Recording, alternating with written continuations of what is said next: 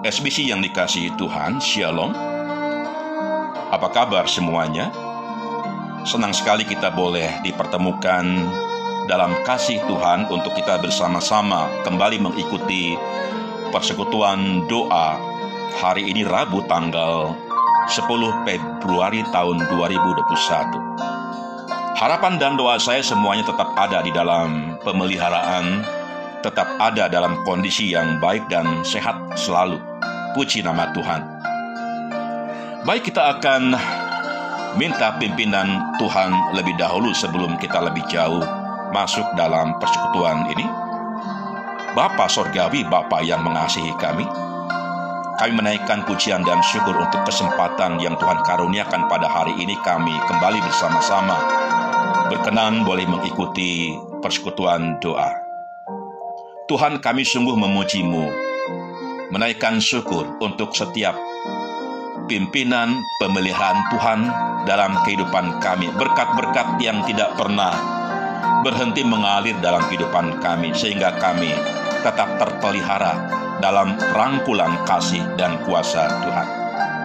Karena itu kami mohon juga kiranya Engkau berkenan hadir dalam persekutuan doa ini dan setiap pribadi boleh merasakan kasih dan kuasa Tuhan serta pimpinan Tuhan. Kami sungguh menyerahkan sepenuhnya seluruh bagian daripada persekutuan doa ini kepada Engkau ya Tuhan dan Engkau berkenan hadir bersama dengan kami. Dalam nama Kristus Yesus kami menaikkan doa, pujian, dan syukur kami. Amin.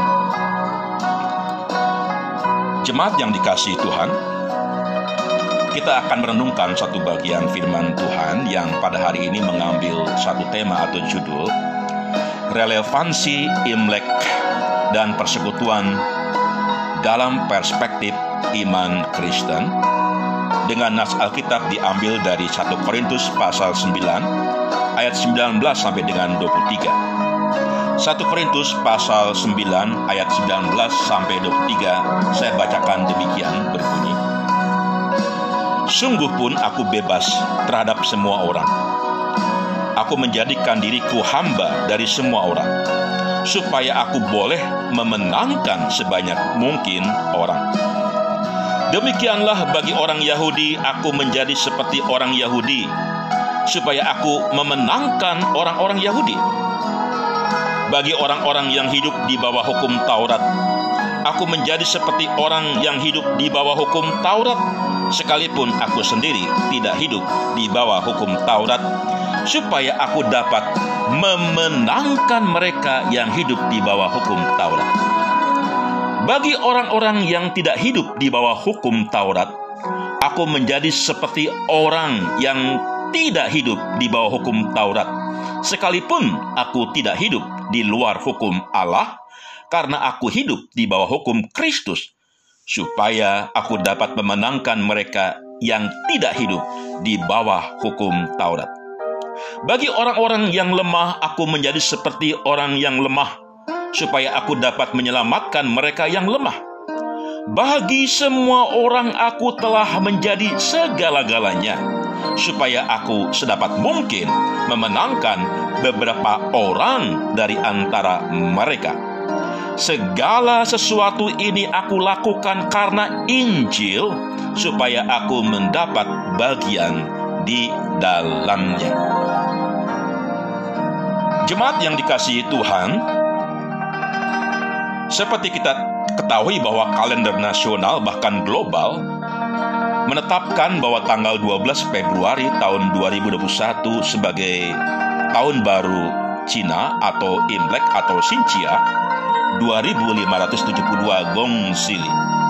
Seperti biasa bagi jemaat yang merayakannya kita mengucapkan selamat merayakan Imlek atau Xinjia Gongsi Fa Choi. Bagi saya pribadi ini adalah momentum yang sangat baik dan sebuah tradisi yang layak untuk dipertahankan karena banyak yang memanfaatkan momen ini untuk berkumpul bersama keluarga besar dan saling berbagi dengan sukacita, suatu praktek yang juga dilakukan di dalam konteks persekutuan Kristen. Namun, ada sebagian orang Kristen warga keturunan etnis Tionghoa yang memilih untuk tidak merayakan sama sekali. Bagi mereka, perayaan Imlek sudah dianggap sebagai budaya kafir dan bertentangan dengan firman Tuhan.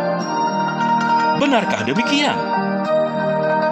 Pertama-tama kita memang harus mengakui bahwa asal-usul perayaan ini diwarnai oleh kisah-kisah mitologis yang kurang tepat secara perspektif Kristiani. Tradisi pengusiran roh-roh jahat melalui lampion dan petasan jelas berlawanan dengan Alkitab. Motivasi pemberian angpau pun ada yang tidak selaras dengan prinsip memberi menurut iman Kristen. Tetapi apakah hal tersebut berarti kita harus menolak perayaan Imlek? Tidak sama sekali.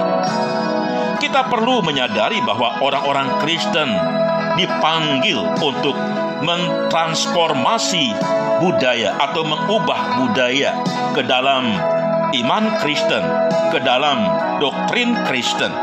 Tidak ada budaya yang bebas dari distorsi atau pengaruh dosa. Tiap budaya memiliki dasar-dasar atau elemen-elemen tertentu yang rusak oleh karena dosa. Tugas kita sebagai orang Kristen bukan untuk meniadakan semua elemen atau dasar budaya, melainkan mengubah elemen-elemen yang berdosa tersebut dengan kebenaran firman Allah. Jemaat yang dikasihi Tuhan, kita semua harus terpanggil untuk dapat menunjukkan keunggulan nilai-nilai Kristen dan memasukkannya ke dalam praktek-praktek tradisi atau budaya tertentu yang dinilai cocok atau pas dan tidak salah. Dengan perkataan lain, kita perlu memberi landasan filosofi atau pengajaran iman Kristen pada masing-masing elemen budaya. Di samping itu, orang-orang Kristen juga terpanggil untuk menjadi saksi Kristus di tengah dunia ini. Dan salah satu hal yang perlu dilakukan adalah adaptasi tradisi dan budaya. Artinya, di mana pun kita berada, kita harus berupaya untuk tidak menjadi batu sandungan bagi orang lain dengan cara menghargai budaya setempat. Inilah yang dilakukan oleh Paulus dalam pelayanannya, seperti yang kita lihat tadi dalam 1 Korintus pasal 9 ayat 19 sampai 23. Paulus rela menjadi segala-galanya bagi semua orang demi Injil Kristus Yesus. Paulus rela memenangkan sebanyak mungkin orang walaupun dia harus masuk dalam tradisi dan budaya tertentu demi Injil Kristus Yesus. Apakah Paulus hidup persis seperti orang lain secara absolut? Tentu saja tidak. Ia bahkan menegur jemaat Korintus yang hidup seperti orang-orang dunia, seperti kita lihat dalam 1 Korintus pasal 5 ayat 1, kemudian 1 Korintus pasal 15 ayat 33. Paulus hanya mengikuti praktek-praktek tertentu dalam beragama budaya yang ia temui sejauh hal itu pada dirinya sendiri tidak berdosa. Jika suatu praktek sudah salah, baik dari sisi konsep maupun praktek, hal itu jelas tidak boleh diikuti.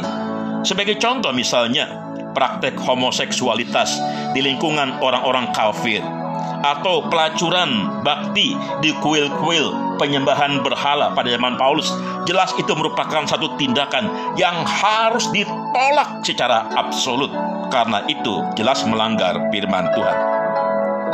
Sebagai contoh, kalau kita melihat dalam perayaan Imlek, makan bersama keluarga dan membagi-bagikan angpau. Ini adalah dua praktek yang pada prinsipnya tidaklah keliru, bahkan baik. Bahkan ini pun justru harus menyediakan waktu untuk berkumpul bersama keluarga dan berbagi kasih. Sebenarnya tanpa perayaan Imlek pun kita harus mengupayakan cara yang seperti itu. Apalagi kita mempunyai momen yang sangat baik tepat pada saat perayaan Imlek. Orang-orang Kristen bisa memanfaatkan dan memodifikasi dua praktik ini supaya lebih kristiani. Prinsip tentang berbagi kepada orang lain seperti pemberian angpau perlu diwarnai dengan prinsip kasih Kristen. Kita mengasihi karena Allah lebih dahulu mengasihi kita. Seperti dikatakan dalam 1 Yohanes pasal 4 ayat 7 sampai dengan 12. Momen berkumpul bersama keluarga dapat diisi dengan persekutuan rohani yang saling menguatkan dan saling mendoakan. Bukankah sesungguhnya ini harus dijalankan pula dalam praktek kehidupan Kristen? Hal-hal tertentu yang bersifat netral seperti misalnya lampion, pohon angpau, dan baju zibau tidak usah diributkan. Yang terpenting, kita tidak mempercayai mitos-mitos di baliknya. Beberapa hal yang mungkin bisa menjadi batu sandungan bagi sesama orang Kristen sebaiknya dihindari. Misalkan sebagai contoh, gambar naga.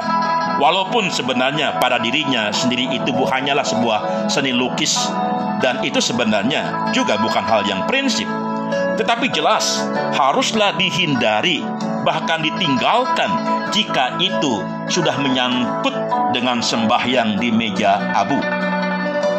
Ada banyak faktor yang dapat kita ambil hal-hal yang baik untuk menguatkan persekutuan, untuk boleh saling berbagi dan lain sebagainya. Tetapi juga ada hal-hal tertentu yang harus ditinggalkan.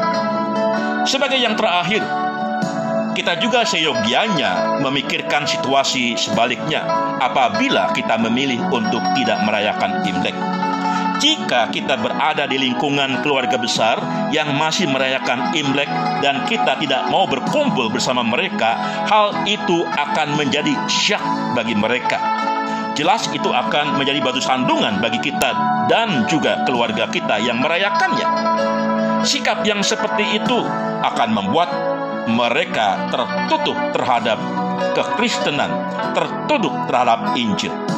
Jadi adalah pilihan yang lebih bijaksana apabila kita pun turut merayakannya, bergabung bersama dengan mereka, tetapi tentu saja sesuai dengan konsep yang Kristiani dan mau memanfaatkannya sebagai kesaksian untuk memberitakan iman kita, untuk menyatakan kasih Tuhan kepada mereka.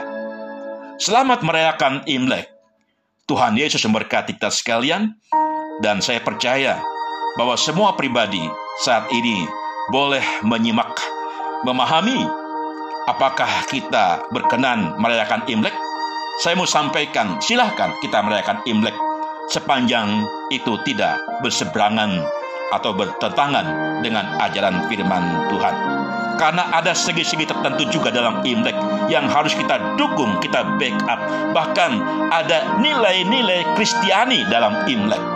Itu layak kita pertahankan. Kiranya Tuhan Yesus memberkati kita sekalian. Haleluya. Amin. Mari kita berdoa.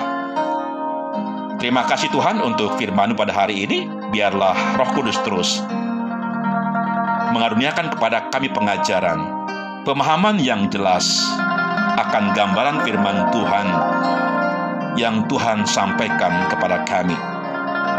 Kami sungguh menyadari akan keterbatasan pengetahuan kami, pemahaman kami, tapi kami percaya melalui kuat kuasa Roh Kudus, Engkau berkenan menyatakan pemahaman yang lebih jelas gamblang akan firman.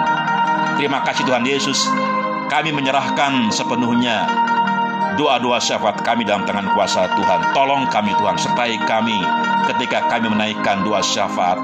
Kami sungguh rindu Engkau pun hadir di dalamnya. Dengan menaikkan pujian dan syukur kami angkat doa ini dalam nama Tuhan Yesus Kristus. Haleluya.